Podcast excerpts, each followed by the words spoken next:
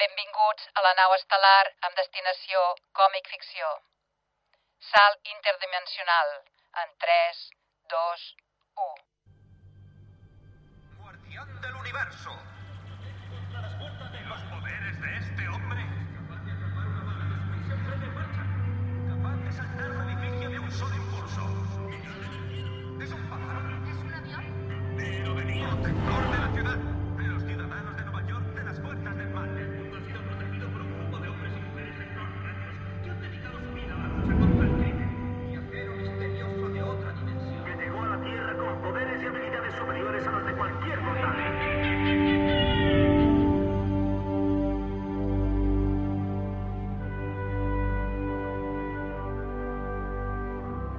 Siempre me he preguntado por qué no lo había hecho nadie antes. Es decir, con tantos cómics, películas, series de televisión, cualquier flipado solitario podría haberse hecho un traje. ¿Tan emocionante es la vida real? ¿Tan apasionantes son los colegios y despachos que soy el único que ha fantaseado con esto? Venga, sed sinceros. En algún momento de nuestras vidas, todos hemos querido ser un superhéroe.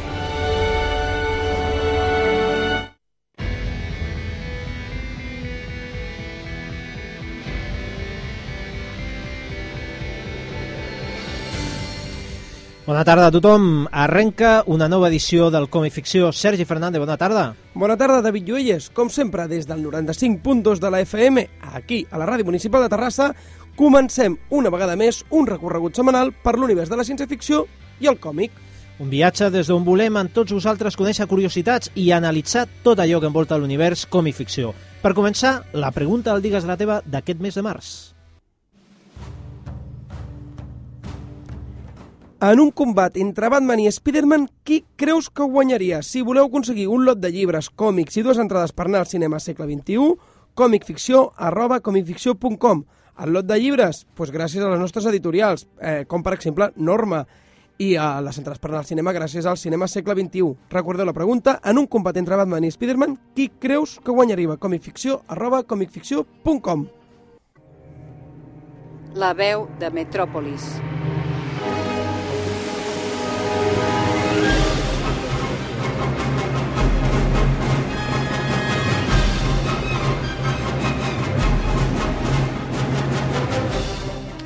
Obrim la redacció de la veu de Metropolis sempre gràcies a la llibreria Papereria El Quiosc.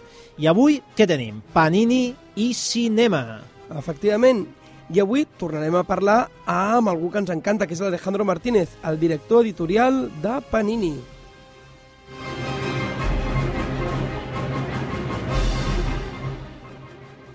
Alejandro Martínez, eh, bona tarda. Hola, ¿qué tal? Muy buenas tardes. Buenas tardes, Alejandro. Por fin de nuevo te tenemos aquí a final de mes, como nos gusta acabar el mes, con Panini Sí. contigo. Y bueno, el pasado mes de febrero nos quedamos en la publicación de los cómics de Marvel después del colapso de las Torres Gemelas y también durante la guerra del Vietnam. Y Spider-Man también estuvo al día cuando las drogas llegaron a las calles de Nueva York, ¿verdad? Efectivamente, efectivamente. Era, corría a finales de los años eh, 60, eh, cuando las drogas eran realmente un, problema muy, muy, muy grave, bueno, lo sigue siendo, en la sociedad de, aquel tiempo. Y entonces eh, Stan Lee, que en aquel tiempo era no solo responsable de, la editorial, sino el principal eh, guionista, decidió tratar el tema de las drogas en, en, en Spider-Man.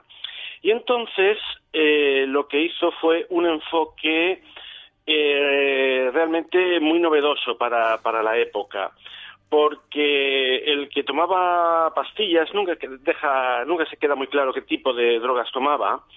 Eh, no era quizá pues una persona de baja extracción social no era un pandillero no era un problema no, no, era una persona con problemas económicos todo lo contrario era un era un amigo de Peter eh, millonario además no entonces Stan Lee lo que quiso transmitir el mensaje era de que las drogas eran, un problema muy grave y que además eh, afectaban a todo el mundo. Cualquier persona podía caer en las drogas.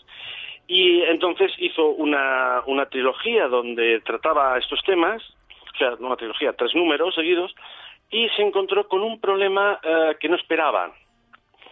Y era que el código interno de, de censura de los cómics, el llamado Comics Code, le censuró, dijo que no, esos cómics no podían salir a la calle porque trataban es- mm, explícitamente el tema de las drogas, algo que estaba prohibido. Sí, Alejandro, eh, para la gente que no lo sepa, ¿qué es el Comics Code este? O sea, ¿qué, qué- ¿de qué se trata esta, esta censura que había en aquel tiempo? Y, y si aún está vigente. No, ahora no no está, no estaba, no está vigente de la manera en que estaba en aquella época. El tema viene, viene de lejos, viene de lejos cuando en los años 50 algunos psicólogos y algunos supuestos expertos, todo dicho sea entrecomillado, creían que la lectura de cómics eran los responsables de la delincuencia juvenil Toma y de ya. otra serie de problemas. Junto con el rock que- and roll también. ¿no? Madre mía. Sí, sí, sí, hubo, hubo muchísimos problemas con ello y de hecho eh, estuvieron a punto de acabar con la industria de los cómics en los años 50. Entonces la industria reaccionó y creó lo que se llamó el Comics Code, es decir, era una- un código de autocensura en que eh, los contenidos previamente tenían que pasar por un comité y que en dicho, dicho código pues se, prohi- se prohibían una serie de cosas. Eh, violencia demasiado explícita, eh, el crimen nunca paga, el criminal siempre es detenido y, entre otras muchas cosas, como es evidente, las drogas no podían aparecer. ¿Y Vaya. cuál fue el final? Bueno, se publicaron el cómic finalmente. Sí, ¿Y lo que pasó fue lo siguiente, es que aquel Comics Code, ya a finales de los 60, eh, la sociedad estaba muy por encima de, de- de aquellas reglas eh, tan ñoñas. Pero es que además Stan Lee tenía un, un as en la manga. Era el mismo gobierno de los Estados Unidos, una, una agencia, la que se había puesto en contacto con él para que hiciera este tratamiento. A lo cual Stan Lee estaba totalmente de acuerdo, porque como he dicho antes, Stan Lee siempre quería reflejar eh, la sociedad en sus cómics. Entonces, ni corto ni perezoso sacó estos tres cómics sin el Comics Code en cubierta. Porque estaba ayudando, digamos, a- al gobierno, ¿no? A, a divulgar pues un mensaje de que las drogas no eran buenas, que... Correcto. Porque aparte de los años 60 era en plena época hippie. Exactamente. Correcto, O sea- correcto, correcto. A- a- aparte, aparte que más que ayudar al gobierno, de alguna manera también ayudaban a la sociedad. Es decir, de alguna manera el problema estaba ahí y tenía que ser tratado. Entonces eh, salieron los tres cómics y no pasó nada, no pasó, no pasó nada porque eh, ev- evidentemente los cómics hicieron su, cumplieron su cometido. Luego, pasado est- esta, estos tres eh, esta, esta trilogía de las drogas, Sí. los cómics volvieron a llevar el Comics Code. Y en realidad eh, era porque eh, no hacía falta ni, ni saltar, mm, saltarse siempre el código, porque los cómics de, de Stan Lee eran lo suficientemente buenos por sí mismos que aun cumpliendo el código no perdían profundidad. Claro. Muy bien. O sea que fue un antes y un después del Comic Code esta, esta publicación de, de Stan Lee referente a las Eh, drogas eh, entonces. Evidentemente, evidentemente. Y eh, Porque este... lo dejó sí. en evidencia para entendernos. Sí, sí, sí, sí. sí. Sí, bueno, jugó con sus propias armas, diciendo, me estáis pidiendo por una banda, bueno, con la hipocresía que, que nos tiene acostumbrados, la, más de una vez la política norteamericana y también más de una vez la nuestra propia, la nuestra propia. Justo, es lo que te iba a decir. Ojalá fuera solo un problema norteamericano. O sea, los políticos, al contrario que los cómics Marvel, más de una vez viven a espaldas de, de la sociedad. Sí. Está, Lee por alcalde de algún sitio. bueno, de hecho, es por eso que ya en aquella época eh, Stan Lee ya empezaba a dar muchísimas conferencias en universidades. Ajá. Por- porque ya las mismas universidades eh, entendían que lo que estaba haciendo Stan Lee con los cómics Marvel era algo trascendente. Esto hubiera sido impensable 10 años antes. Hace 10 años, diez- eh, a finales de los 50, principios de los 60, los cómics solo eran eh, entretenimiento de baja calidad eh, para niños. Sí, y en solo sí. 10 años pasó a ser objeto de conferencias en las universidades. Es curioso, ¿eh? Sí. Curioso. ¿Y eso fue después de, de- de este episodio de, de las drogas? Bueno, de, de este episodio de, de estos cómics de las drogas, ¿fue después? ¿O ya, par- Fue- o ya empezó...? Fue por esa época. Ajá.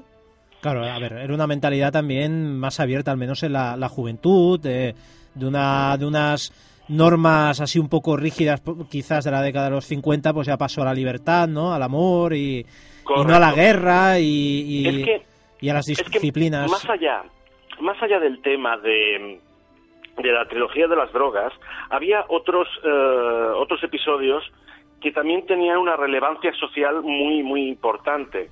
Hay un momento dado que- y también sucede en Spider-Man donde una serie de estudiantes hacen una serie de manifestaciones para pedir alojamientos baratos para, para los estudiantes que iban a estudiar a la universidad. Ajá. Entonces, estas manifestaciones acaban mal y acaban con detenidos. Y es eh, muy significativo un diálogo que transcurre al final de un episodio en el que un chico negro es detenido y ya se lo lleva al furgón y en ese momento se encuentra con su padre, que es el redactor jefe del Daily Bugle, Sí. del periódico, bueno, del, del periódico, periódico de Jameson, el de Spiderman de Sí. toda la vida. Y entonces el padre dice, mira hijo, no apruebo los medios que habéis utilizado, pero sé que estabais haciendo lo correcto, Hola. que por tanto te apoyaré. Vaya declaración de, de principios. Oh, sea- claro, claro, o sea, eh, es, es- es muy importante. Aquí sin necesidad de saltarse el código ni nada. Eh, tú, tú lo has dicho, es una declaración de principios. Ya no criminalizaba a aquellos estudiantes que salían con pancartas a la calle. Sí, Todo sí, lo sí. contrario, quizá cuestionaba los, mé- los métodos, ¿sabes? Dejaban en el aire, oye, pues quizá a lo mejor eso no, no es lo mejor que se puede hacer, pero sin duda tampoco es lo peor. Gran Stan Lee. Sí, Gran, sí, gran no. Stan Lee. Desde, desde luego, Grande. De- desde luego eh, la verdad es que, que los cómics estén más al día de lo que pasa en la sociedad, que no lo que hemos comentado hace un momento, lo- los políticos o ciertas eh, élites sociales. Sí, o, o es- estén es- en ciertas eh, prestatgeries, estiguin en y- ex- quin exacto, y- e- exacto que, que estén también los cómics olvidados y, y que han estado ahí en los momentos cruciales de la historia. Pues Alejandro, Un lo- placer, un es que es un placer como placer. siempre eh, y bueno, lo tenemos que dejar aquí. Pues, Pues ya, ya hablaremos más en otra ocasión. Hombre, Hombre, por supuesto. no lo dudes. Muy bien, venga, que vaya muy bien. Igualmente, un abrazo. Buenas tardes. Doncs l'Alejandro Martínez, director editorial de Panini Còmics. I ara aneu fer un forat, neu fent un forat a la vostra agenda d'aquesta Setmana Santa, perquè en breu tindrem amb nosaltres les estrenes d'aquest mes d'abril, amb els responsables del cinema segle XXI.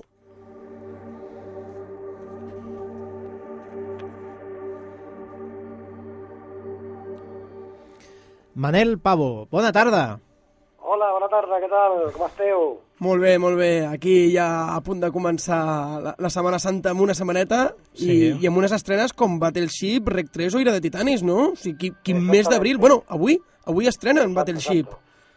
Exacto. Mira, hoy tenemos estrenos de Ira de Titanes y Red 3, ambas películas muy recomendables por diferentes razones. Ira de, Ira de Titanes, no sé si recordáis la anterior, que era Furia de Titanes, es una continuación, Sí, cuya historia se desarrolla 10 años después. Y bueno, eh, se ve que han mejorado mucho los efectos especiales, eh, porque había una crítica de que los efectos especiales en 2D le habían pasado al 3D, eh, bueno, que no eran todo lo que, dejaban algo que desear. Pues aquí esto lo han cambiado. Y bueno, yo he visto el trailer en 3D y realmente es increíble, ¿eh? Increíble, Alt- altamente recomendable para verle a una pantalla de cine. Ajá. Sí, sí. y, pero la primera, la primera parte mm, tuvo éxito. Se supone que sí, ¿no? Porque se han hecho una segunda. Lo suficiente, lo suficiente como para justificar el hacer una segunda tan solo dos años después. Sí, sí, sí, O sea, sí, sí. mm, Haceros una idea, o sea, a, ni- a nivel mundial, la recaudación a nivel mundial fue más que, más que suficiente, Sí, sí. como para generar una continuación. Sí, porque ah, pa- parece ser de que hay una ley de oro eh, dentro de las de las eh, majors, ¿no? Eh, las grandes productoras, ah, que es que una película para que salga rentable tiene que ganar como mínimo el doble de lo que ha costado. Esa es la regla de oro. Exacto, la, la primera la sacó con creces, ¿eh? lo sacó con creces. O sea, Porque claro, ti- tienes que pensar que la recaudación mundial, más derechos de antena, eh, ventas en DVD, etcétera, todo ello, eh, todo ello eh, ayuda a sumar y al final siempre acaban saliendo beneficios. y muy brevemente, eh, ¿puedes hacernos un breve hipnosis de, de Ira de Titanes? ¿Que es la continuación donde acabó la otra o, o no? Esto Sí, es una nueva historia Mira. mitológica. La historia se desarrolla 10 años después y narra la historia que los dioses están debilitados por la falta de fe de la humanidad. Entonces, eh, hay unos, digamos, dioses eh, reverdes que capturan a Zeus y Perseo, que estaba retirado, pues bueno, sale de su retiro y con la ayuda de, otro- de otros tres dioses que son Andrómeda, Agenor y Nefesto, pues parte en su ayuda, va, va a rescatarlo. Básicamente esta es la trama de la historia para ofrecernos un espectáculo visual de primer orden. Sí, sí. Y... Pro- Sí, dime, dime, dime, Manel.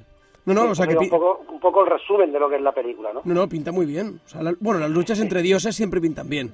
Porque los dioses tienen no. poderes y bueno, eso... Son, son tortas más grandes. Exactamente, son tortas más grandes. Ahí está. y- Luego, por otra parte, Dime, dime. por otra parte tenemos Rec 3, ¿Sí? la tercera parte de la saga inaugurada por Paco Plaza y Jaume Balagueró a dos, a dos manos. Continuaron con Rec 2 también a dos manos. Y ahora lo que han hecho es dividirse y la tercera parte la, divi- la dirige solo Paco Plaza, ¿Sí? que es esta que estrenamos hoy, que se llama Génesis. Y el próximo año vendrá la cuarta y dicen que última, que será, será Rec 4, Apocalipsis. y esta será dirigida por Balagueró. Ah, mira, se han dividido las faenas. Exacto. En esta tercera parte, pues bueno, remontan a lo que es el, el origen de la historia, el por qué pasa todo lo que pasa en Rec 1 y Rec 2, Sí. y bueno, todo parece ser que se desencadena en una boda. Sí, estábamos viendo aquí la página web y nos quedábamos sorprendidos porque aparecían todos de cuadros, Sí. los típicos cuadros de bodas. En las bodas se pueden desencadenar fenómenos Bueno. paranormales. Bueno, más de una boda sería un fenómeno paranormal. Sí, sí, desde luego la, la imagen de Leticia Dolera, protagonista del, del film, como en motosierra en la mano, al más puro estilo Litterface, Hostia. en la matanza de Texas, no tiene desperdicio. Sí, sí, Promete sí. un festival de san y fecha, de humor negro, mm, bueno, para los amantes del género, sin desmerecer a la primera y segunda parte. ¿eh? Bueno, tiene buena pinta, tiene buena pinta. Tenemos aquí delante Buena pinta, buena lo que se pinta. veía y tiene buena Sí, pinta. algunas fotos. Y bueno, Ba- Battleship, estos extraterrestres con el Liam Neeson de protagonista. Que, que debe- que estos extraterrestres, primos hermanos de los Transformers, por lo que parece ser. Exacto. Exacto, mira, yo lo definiría, el Battleship lo estrenaremos el próximo día 13, ¿eh? Sí. Eh, viene a ser una de las películas espectáculo que abrirá la temporada fuerte. Eh, bueno, es una película muy esperada, la han basado en un juego de mesa conocido como Hundir la Flota. Eh, yo, lo, yo lo considero, una vez he visto el tráiler y he leído un poco la sinopsis, que es como una especie de Independence Day, pero en el agua. ¿Oh? Mm, noso- lo veo venir por aquí. Eh, métele- añádele un poco unas gotas de Transformers, Sí, porque unas gotas de G.I. Joe. Porque y, también bueno, pilla, eh, ¿eh? La, la- lo que es la ciudad. Hay alguna ciudad, o parece ser, por lo que he visto en el trailer, que también eh, hay destrozos a punta pala, ¿eh? O sea, sería el día de ma- seríamos el día de mañana, Transformers, Ajá. un poquito de G.I. Joe, como has dicho, Manel, y también, bueno, una, una burrada de película. Sí, aparte Liam Neeson, maestro de maestros. Liam Neeson, Taylor Kiss, que también es protagonista de John Carter, y atención, Rihanna, en su primer papel protagonista para el cine. La Rihanna, sí, sí, sí, sí. Bueno, habrá que ver la Rihanna también como... Cómo, cómo, cómo entra Cómo en se Battleship, desenvuelve, exactamente. sí, si sí. dejando un micro puede coger una metralleta, si es que la coge. Exacto, También la veo más, exacto. más creíble por la pinta así de, de tipa dura que no, por ejemplo, la de Transformers, ¿no? La, las dos los dos bellezones, ¿no? La, la, ¿Quién era? ¿De la 1 y la 2? Ah, ahora, ahora te hemos Nos, hemos pillado todos. Bueno, da igual. La- la- la- las dos macizas que salen. Exactamente. En la 1 y la 2 y luego la 3 que la cambiaron, que fue porque al parecer eh, no se va bien con Michael Bay y, Sí. y entonces ya no... Sí, había, había rumores, había rumores. Había rumores. Perfecto. Bueno, pues vaya, vaya papelones, Oye, tú, pues, tenemos pues aquí, tenemos vaya una semana, películas. una Semana Santa increíble y Ajá. nos despediremos contigo diciendo que a finales de abril que nos llega Manel. El día 27 de abril yo creo que una de las películas, por lo menos para todos los que somos seguidores de este programa y para muchos cinéfilos del mundo y amantes del cine fantástico en general, que es una película esperadísima, como es Los Vengadores. Ahí está. Qué adaptación oficial del cómic de la Marvel, del cómic por antonomasia de la Marvel, donde los héroes más poderosos de la Tierra luchan todos unidos, todos juntos. Sí, El sueño, el sueño de todo, de todo fanático del cómic. Sí, señor. Pues sí, señor. antes de finalizar el mes te tendremos aquí para que nos lo expliques. Venga, Manel Pavo, eh, di- hablaremos largo y tendido sobre el tema. Y dis- tanto. disfruta esta noche de Ira de Titanes, que disfruten nuestros oyentes de Rec 3 y de Battleship aquí en Cinema Secla 21. Buenas tardes, Manel. Perfecto. Muy bien, muchas gracias. Buena tarde. Bona Adéu. tarda. Manel Pau, gerent adjunt del Cinema Segle XXI de Terrassa. I la propera setmana, doncs, no hi haurà eh, ni veu de Metròpolis, ni Terra, ni, ni Univers. Efectivament, perquè el proper divendres 6 de març és divendres sant i us hem preparat un especial còmic ficció. Igual que, la recta, igual que la resta de programes, no us el podeu perdre, perquè la selecció que us hem fet és d'una delicatessen a, increïble. Nivelón. Nivelón, Còmics Barcelona, Adamantium.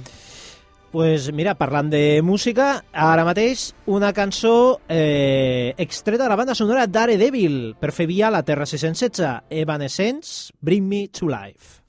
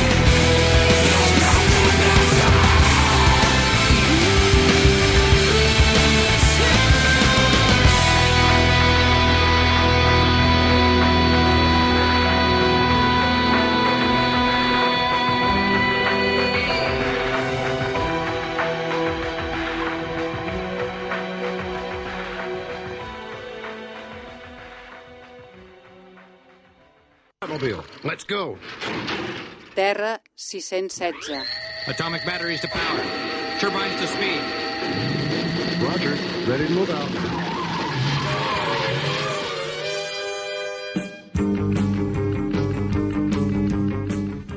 Hem aterrat a la Terra 616, el planeta Terra alternatiu on habiten els personatges de còmics.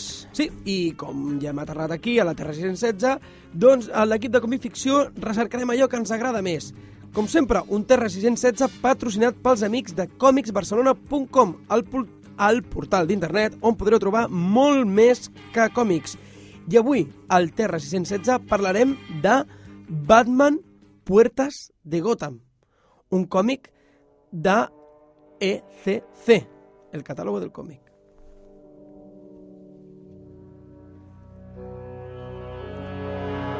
I ara que ja portem més de 15 programes, aquells oients fidels que ens seguiu i d'altres que us heu anat enganxant poquet a poquet, poquet a poquet aquí al còmic ficció, haureu vist que intentem tractar els còmics més variats. Tot i que tothom té la seva debilitat, i la nostra són els superherois. Sí, i bueno, tant Marvel com DC, eh, els dos grans tòtems dels justiciers emmascarats, tot i que si tenim alguna preferència ens la guardem per casa i aquí al Comic Ficció intentem fer d'àrbitres d'aquest gran univers. Exactament. Però, és clar, contínuament ens arriben tot tipus de còmics d'aquest tòtem, Superman, Spiderman, Caballero Luna i un sense fi d'etcèteres. I avui hem elegit un gran còmic dels amics del catàlogo del còmic. Pareu les orelles i disfruteu d'una gran història del nostre Caballero Oscuro. Com us hem dit al principi, Batman Puertas de Gotham, del Kyle Higgins i el Trevor Ryan.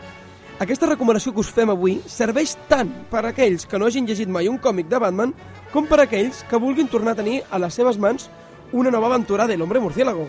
I per aquells que desenterreu el personatge de Batman, en aquesta aventura, Batman ja no és Bruce Wayne, Sí, sí. sinó Dick Grace, l'antic Robin, que l'està substituint per motius ultrasecrets. En Robin és Damian Wayne, el fill, podríem dir, secret entre de Batman i Talia al Ghul.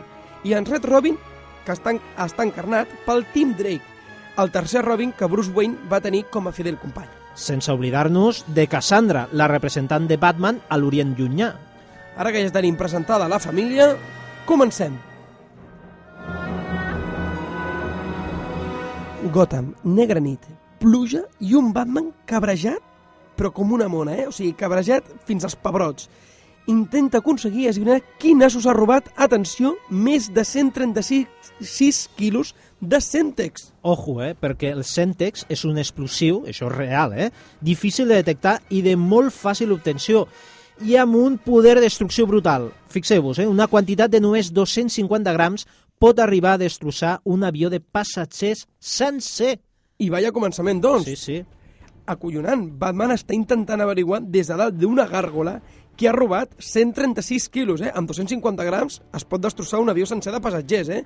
Imagineu quin poder de destructiu poden arribar a tenir 136 quilos. I el pàjaro que li ha d'informar el deixa penjat sobre una gàrgola sota la pluja i veu, mentre Batman, com tres dels ponts de Gotham exploten totalment. I de quina manera? La plasmació que fa el Trevor McCarthy i el Graham Nolan són hiperreals. És per mi... perdoneu... el rescate... és per mi l'escena que et fa quedar-te amb el còmic. Saps aquell moment quan estàs fullejant un còmic a la botiga? Doncs aquestes tres primeres planes segur que agafes i et compres el còmic.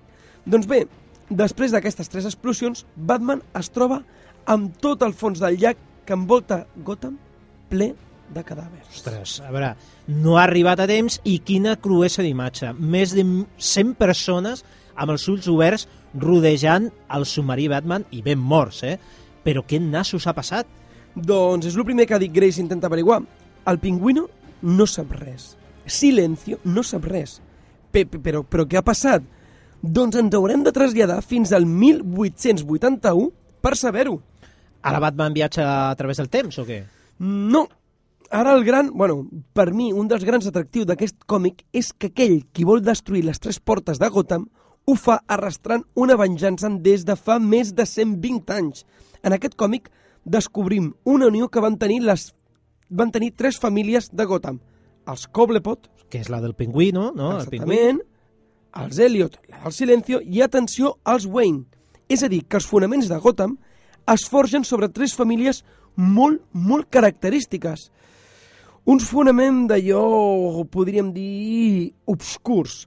Batman, amb Robin, Red Robin i Cassandra s'han d'afrontar a un enemic totalment desconegut, però que coneix el mateix Gotham molt millor que ells. Però té uns coneixements, però que molt, molt grans sobre Gotham. I, sí, i durant aquesta investigació, Kyle Higgins i Trevor Ryan Parrott van introduint diferents flashbacks on anem descobrint, descobrint l'alçament de Gotham i diversos secrets. Efectivament. Però què passa quan un nou boig del crim intenta destruir la ciutat? Que es trobem escenes apabullants. És un còmic amb una tensió constant. El vas llegint i dius, va, va, que trobin, que, que, que l'atrapin, vull saber qui, qui és aquest assassí, per què vol fer, vol, per què vol destruir Gotham. Enmig de tot això, el fet de que Batman no sigui en Bruce comporta que Dick Grayson, a més a més, aquest nou Batman tingui moltíssims problemes de confiança en si mateix. I ja rematant la història, atenció, David, perquè això no t'ho he pogut explicar abans, Digue'm, els digue'm. gelos que té el petit Robin, el fill de Batman, amb la pròpia Cassandra. La... Sí, sí, perquè Batman eh, l'ha elegit amb ella com a representant a, a, la, a l'Orient llunyà i el petit Robin té eh, gelos d'ella. Tot això enmig d'un munt d'explosions, com la que succeeix alhora a la torre de, a la torre Wayne i a l'edifici Cobblepot. Batman, Robin i Cassandra volant pels aires amb tots els uniformes totalment desgarrats. Sí, i sembla que, a més a més, eh, Batman compta amb una tecnologia increïble d'investigació. Batman s'ha anat actualitzant moltíssim. Sí, sí, no, anys. no s'ha quedat enrere. Eh? eh podríem dir que, que un parell de capítols de CSI i de bons junts no li arriben ni a les soles sabates. No, no, és, és una de les coses que m'agraden molt d'aquest Batman, no? que no s'ha quedat només amb aquelles pistoletes... S'apropen molt al de, al de la pel·lícula. Sí, El de la... sí uns gadgets eh, molt tecnològics, no? molt Exactament. actuals. Sí, sí. I les lluites cos a cos que hi ha al còmic tampoc no són moco de pavo.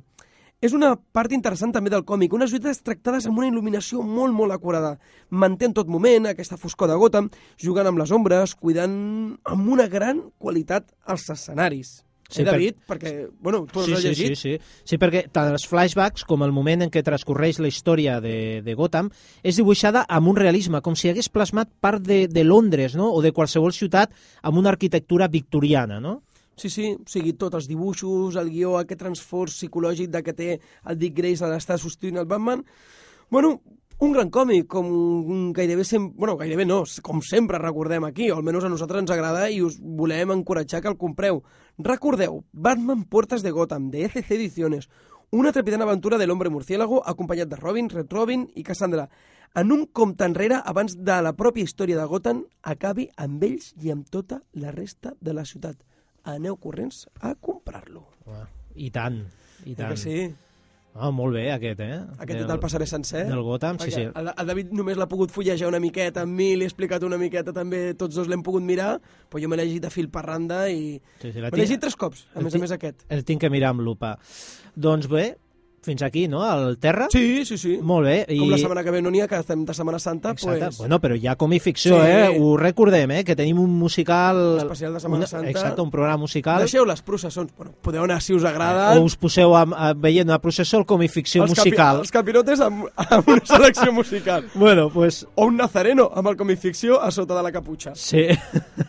pues mira, eh, abans de parlar de la pel·lícula que us hem portat avui, a l'Univers Spock, escolteu el tema del tràiler del videojoc Dead Island, un tema sinfònic del Gilles Lamb, un impactant i colpidor tràiler que va guanyar ni més ni menys que el Lleó d'Or del Festival de Publicitat de Cannes 2011. Exactament, que l'escoltin la música i la paròdia que ens has portat avui la pel·lícula, genial, eh? Sí.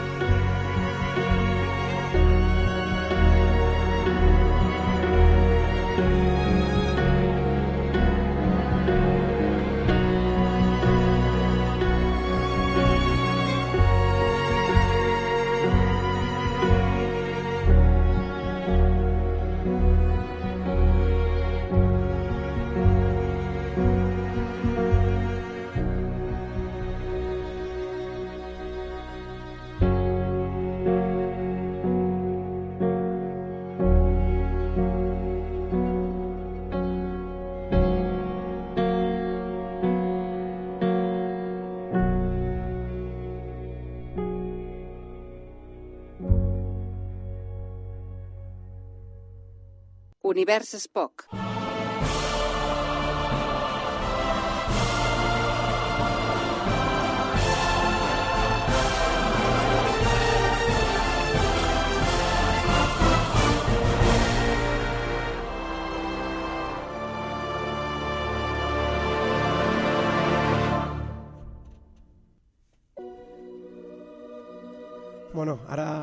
ara, estava recordant jo el trailer de, de Death Island. No me'n recordava de la música, me'n recordo que el trailer és trepidant, super recomanable, que la gent el busqui a internet. I quina, Molt impactant. quina música ens ha deixat aquí Sí. sí. relaxats. Però bueno, estem aquí al, a l'univers Spock, on travessem bueno, un territori com, on impera la ciència-ficció, oi, David? Exacte.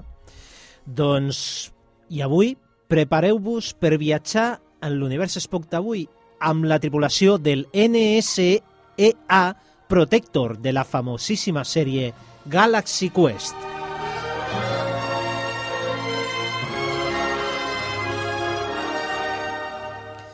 Si ara mateix us esteu trencant la closca intentant recordar si haveu vist aquesta sèrie, no us preocupeu, perquè Galaxy Quest és el nom fictici de la sèrie de la que formen part els protagonistes del film Héroes fuera de òrbita. Pel·lícula que el seu títol original era precisament el de Galaxy Quest. Sí, és que en aquest país són molt creatius amb això de buscar títols estrafolaris per canviar els títols dels films estrangers. doncs Héroes fuera de òrbita, o Galaxy Quest, com vulgueu dir-ho, és un film que es va produir al 1999 i que pario, parodiava, o millor dit, feia un homenatge molt divertit de la sèrie Star Trek, sobretot de la, de l'original. Uh, i, bueno, i de tot el que l'envolta, les convencions, els fans, la relació entre els actors fora de, la, de les càmeres i dintre d'elles, és un film que ens emociona i que no ens cansem de veure. La trama és la següent, per a aquells que no l'hagin vist. Galaxy Quest és una sèrie ciència ficció molt famosa que ja fa uns anys no s'emet per televisió i que reproduïa les aventures galàctiques de la nau NSEA Protector i la seva tripulació comandada per l'intrèpid comandant Peter Quincy Tagger. Les eh, les carreres dels actors que la protagonitzaven estan de capa caiguda, ja que no han pogut reconduir-la cap, cap a altres produccions i des de la fi de la sèrie no han trobat treball i viuen dels diners que guanyen per la firma d'autògrafs a les nombroses convencions que organitzen els fans de la sèrie.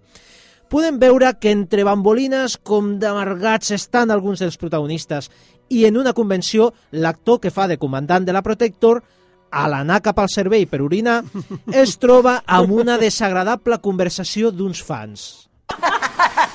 ¡Qué espectáculo de monstruos, tío! Es de lo más chistoso. ¡Qué banda de fracasados! Pidiendo autógrafos a 15 pavos. Sí, tío. Esos tíos no actúan en nada desde hace 20 años. Esto es lo único que tienen. Tío, ¿te has fijado en Smith? Habla con esos retrasados mentales creyéndose el comandante de una nave espacial. Sí. ¿Y sus compañeros? Lo sé, no le soportan. ¿Has oído cómo hablan de él? No tienen idea de que hace el ridículo. Incluso delante de sus amigos. Penoso. Eh, vamos, va a empezar el baile de. Pobre paio. Ja us podeu imaginar, l'home surt fet pols. I això que era el que més gaudia de ser un actor de culte, encara que no hagués fet res més a la seva Ha- ha- carrera. Ha de ser xungo, eh, trobar-te en una situació com El tio- aquesta. i ja, us, ja us diré, recordeu-vos d'aquest eh, d'aquest tros de pel·lícula, perquè us explicaré una cosa curiosa, eh? Ah. al final de, de l'exposició. Però, bueno, aviat la vida dels nostres protagonistes canviarà radicalment quan un grup d'estranys fans els inviten a la seva nau per una missió. Esclar, els actors es pensen que es refereixen a un altre tipus de convenció, com la que estan por ahí voltant i fent. Pues no, es refereixen a una missió real a l'espai, perquè ells són d'una raça alienígena que es veu amenaçada per una altra, que els vol destruir, i que per fer front a aquest terrible enemic han estudiat els anomenats documents històrics de les missions del Galaxy Quest. Clar, és que a més a més el bo d'aquesta pel·li, bueno, que, que és bàsicament el seu argument, és que aquesta raça d'ali- d'alienígenes es pensa que la sèrie Galaxy Quest és real i fins i tot construeixen una reproducció exacta de la nau, de la Protector. Sí, eh, Imagina't. I, I la tripulació, que són actors, es pensa que realment són comandant, la tinent, etc etc. Bo, que bo, quin Sí. bon argument. ja us podeu imaginar les dilera, delirants, perdó, és que estic tan Les nerviós, delirants. delirants i divertides situacions que es troben els actors d'una sèrie completament fictícia, de ciència-ficció, immersos en una veritable guerra galàctica. Si no l'heu vista, jugueu-la, compreu-la o busqueu-la per, per on calgui, perquè és que val molt, molt la pena. A més a més, és per tot, és, és per un públic familiar. És una pel·lícula Sí, de sí, sí, crispetes a les 6 de la tarda d'un diumenge. Sí, sí, que ho podeu veure amb la canalla, ah, inclús, eh? amb els vostres nens al costat anar rient. Exacte. I els actors, el, els reals, eh? estan fantàstics, ho fan de conya. Sí. Mira, el comandant Peter Quincy Tagger, interpretat pel Tim Allen, que podríem dir és el capità Kirk de la pel·lícula. Home, i qui no coneix el Tim Allen? Perquè, a més a més, és un gran veterà de la comèdia, amb moltíssims films i sèries a les seves esquenes. I a molts de vosaltres sonarà per aquesta gran, bueno, aquesta trilogia infantil de Nadal, de Vaya Santa Claus. Exacte. Una gran pel·lícula de Nadal, infantil. Sí, infantil. Correcte. Després tenim el tinent, a la tinent Madison, interpretat per una atractiva Sigourney Weaver, que personalment no la trobo gaire atractiva, però que aquí tiene un no sé què, eh? Doncs el paper de, que té la tinent dintre de la Protector de la nau s'ubica en la secció de comunicacions i l'únic que fa és repetir el que diu exactament la veu de l'ordinador. Seria com la Uhura de la sèrie original de Star Trek, més o Sí, menys, no? pa, ho, par, ho parodia, Oh, sí. bo, eh? sí. I tenim, com no, un personatge principal extraterrestre dins de la tripulació, el doctor Lazarus, interpretat pel Alan Rickman, que el recordarem per ser el jefe dels dolents de la primera jungla de cristal o pel seu paper com a sinistre professor Severus Snape del Harry Potter. Sí, que a més a més el doctor Lazarus podríem dir que és una espècie d'Spock malcarat. Uh -huh. I a l'Alan Rickman, l'actor que l'interpreta, té una frase mítica dins de la pròpia sèrie, no? Que és, por el martillo de Graftar y los hijos de Warban, tú serás vengado. Que seria Sí, una alegoria que... A una mítica frase del senyor Spock, larga i pròspera vida. Que ben trobat tot. Sí. M'agraden aquestes cosetes. I qui, qui ens queda, Sergi, de coneguts? El Sam podria- Rockwell. Ah, el Sam Rockwell, ostres. Ah, sí, que surt un juveníssim Sam Rockwell que interpreta el típic extra que surt a, a tots els capítols de, la, de, de Star Trek, que té molts números de que se'l carreguin, tal com passava en, en quasi tots els capítols de la sèrie original de Star Trek i en molts de, de les altres. He cambiado de opinión, quiero volver. ¿Con la que armaste porque te dejábamos en tierra? Ya, pero es que quería ser un tripulante e ir en la nave porque si había algo arriba. Quería verlo, pero ahora seré el extra al que matan cinco minutos después de aterrizar en ese planeta. No vas a morir en ese planeta, Guy. Ah, ¿no? ¿Cuál es mi apellido? Pues es... em, no lo sé. Nadie lo sabe. ¿Por qué? Porque mi personaje no es lo bastante importante para tenerlo. Porque voy a morir. Boníssim, eh?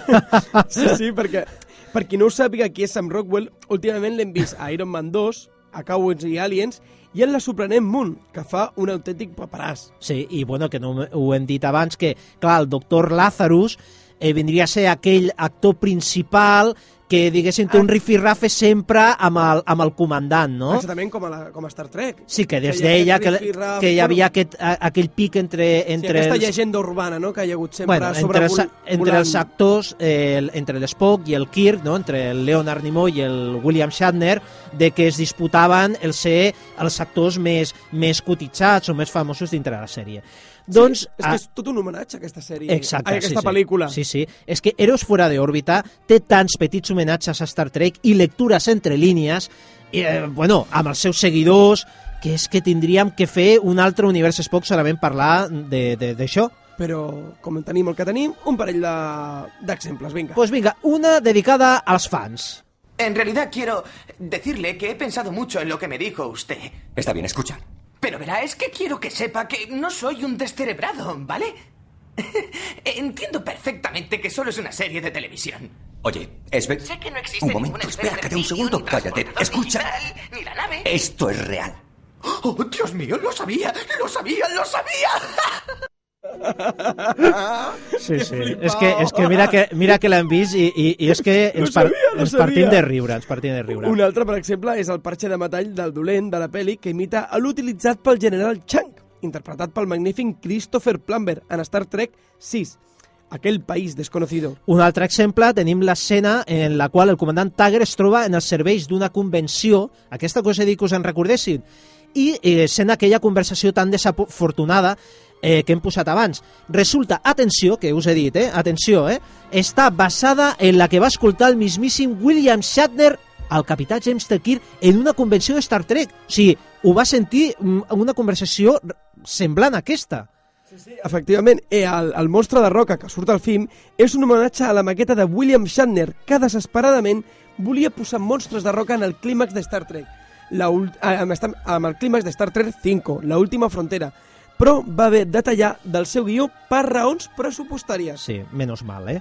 I, a més a més, Héroes fuera de òrbita va ser un autèntic excitàs a la cartellera, recaptant més de 90 milions de dòlars, el doble del que va costar. Efectes especials i de so espectaculars sortits de la factoria de la Industrial Light and Magic i de la Skywalker Sound, del, del George Lucas. Sí, i a més a més mm, pa- va ser una, gran, una pel·lícula molt ben rebuda pels fans de Star Trek. I tant. I per alguns dels actors de les diferents sèries de Star Trek, a més Sí, a sí, més. sí, sí, els va encantar. Mira, per exemple, els actors que interpreten el Will Riker i el Capità Picard de la nova generació o el Tuvok de la, de la sèrie Voyager.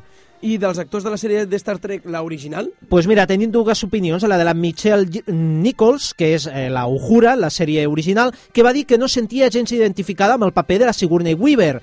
I eh, el que sí que li va encantar és el George Takei, el Zulu, que va disfrutar de valent amb la caracterització del comandant Tagger, que diu que s'ajustava perfectament a l'arrogància del William Shatner, el capità Kirk. Mm, ja se sap que el George Takei i el William Shatner no aniran mai, mai, mai a prendre una copeta junts, oi? No, des de luego que no, eh?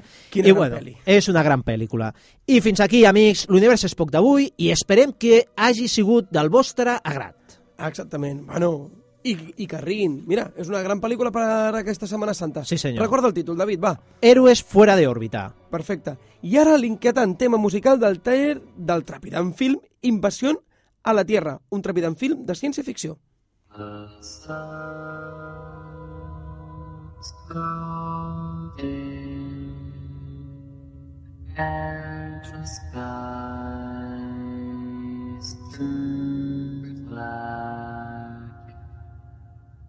Cause I loved her, and she didn't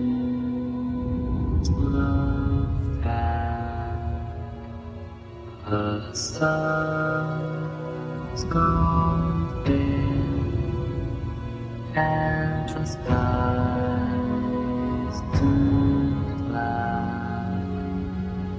'Cause I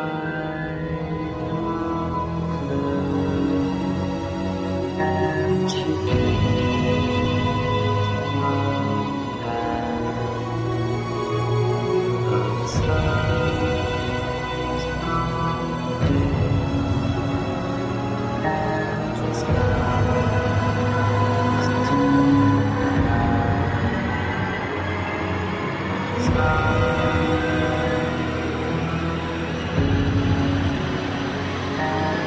you.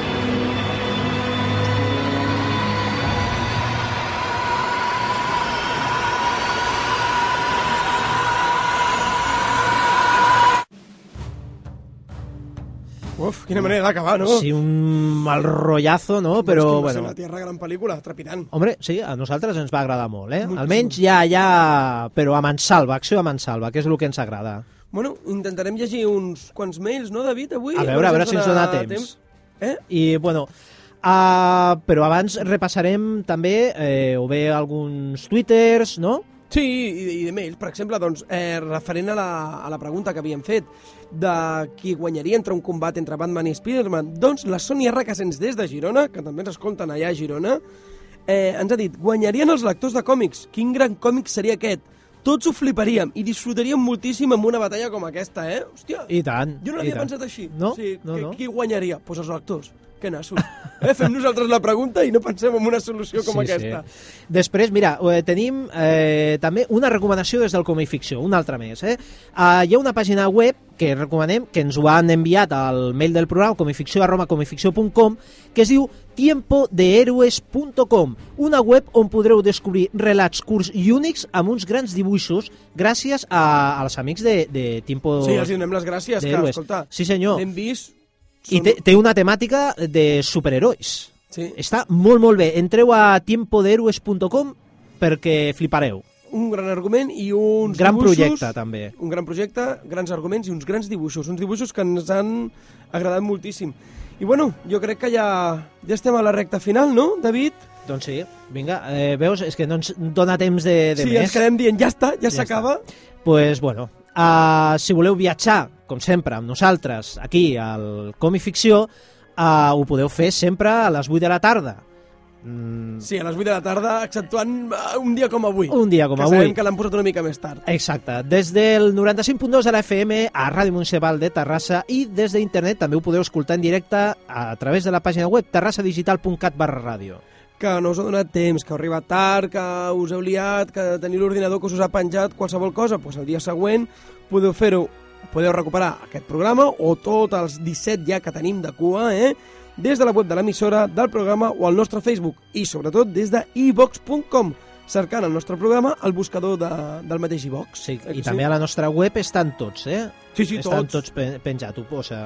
Els últims programes que hem fet, o sigui, està tot allà, ficat. Pues, eh, també podeu participar en el programa enviant els vostres comentaris al Twitter, arroba comificció, o al Facebook. Sí, com ha fet la gent de Tiempo de Héroes. I, Exacte. i, i altre que no puguem dir avui, exactament. Exacte. I, bueno, si voleu formar part dels amics del programa, pues, bueno, no us descuideu d'agregar, no? Sí, a la Ens pestanya. doneu un toque i ja sou amics del programa. Exactament. I bueno... I des de l'estudi de la Ràdio Municipal de Terrassa, com sempre, l'equip que ha fet possible aquest programa d'avui. Començant pels nostres bloggers, el Bernat López, el Rubén González... I fem una nova presentació. El Rafael Cervera. Correcte, Està tenim allà- un altre blogger. Tres bloggers allà, anar ficant notícies i, ben, i coses ben guapes. a Una web. raó més per entrar a la nostra web, Comificció.com. perquè fan uns bons articles. Doncs vinga, el Llepe Prat, el nostre gran webmaster, El David Escura, el nostre redactor des de la web i el Facebook. el Jordi Rueda, el tècnic de so, La Lídia Gómez amb les novetats editorials. i el pont de comandament, el Sergi Fernández i jo mateix, el David Lluelles. Tornarem aquí el divendres que ve amb un especial musical i recordeu que un gran poder comporta una gran responsabilitat. Esperem que hagueu gaudit del programa. Llarga i pròspera vida a tots!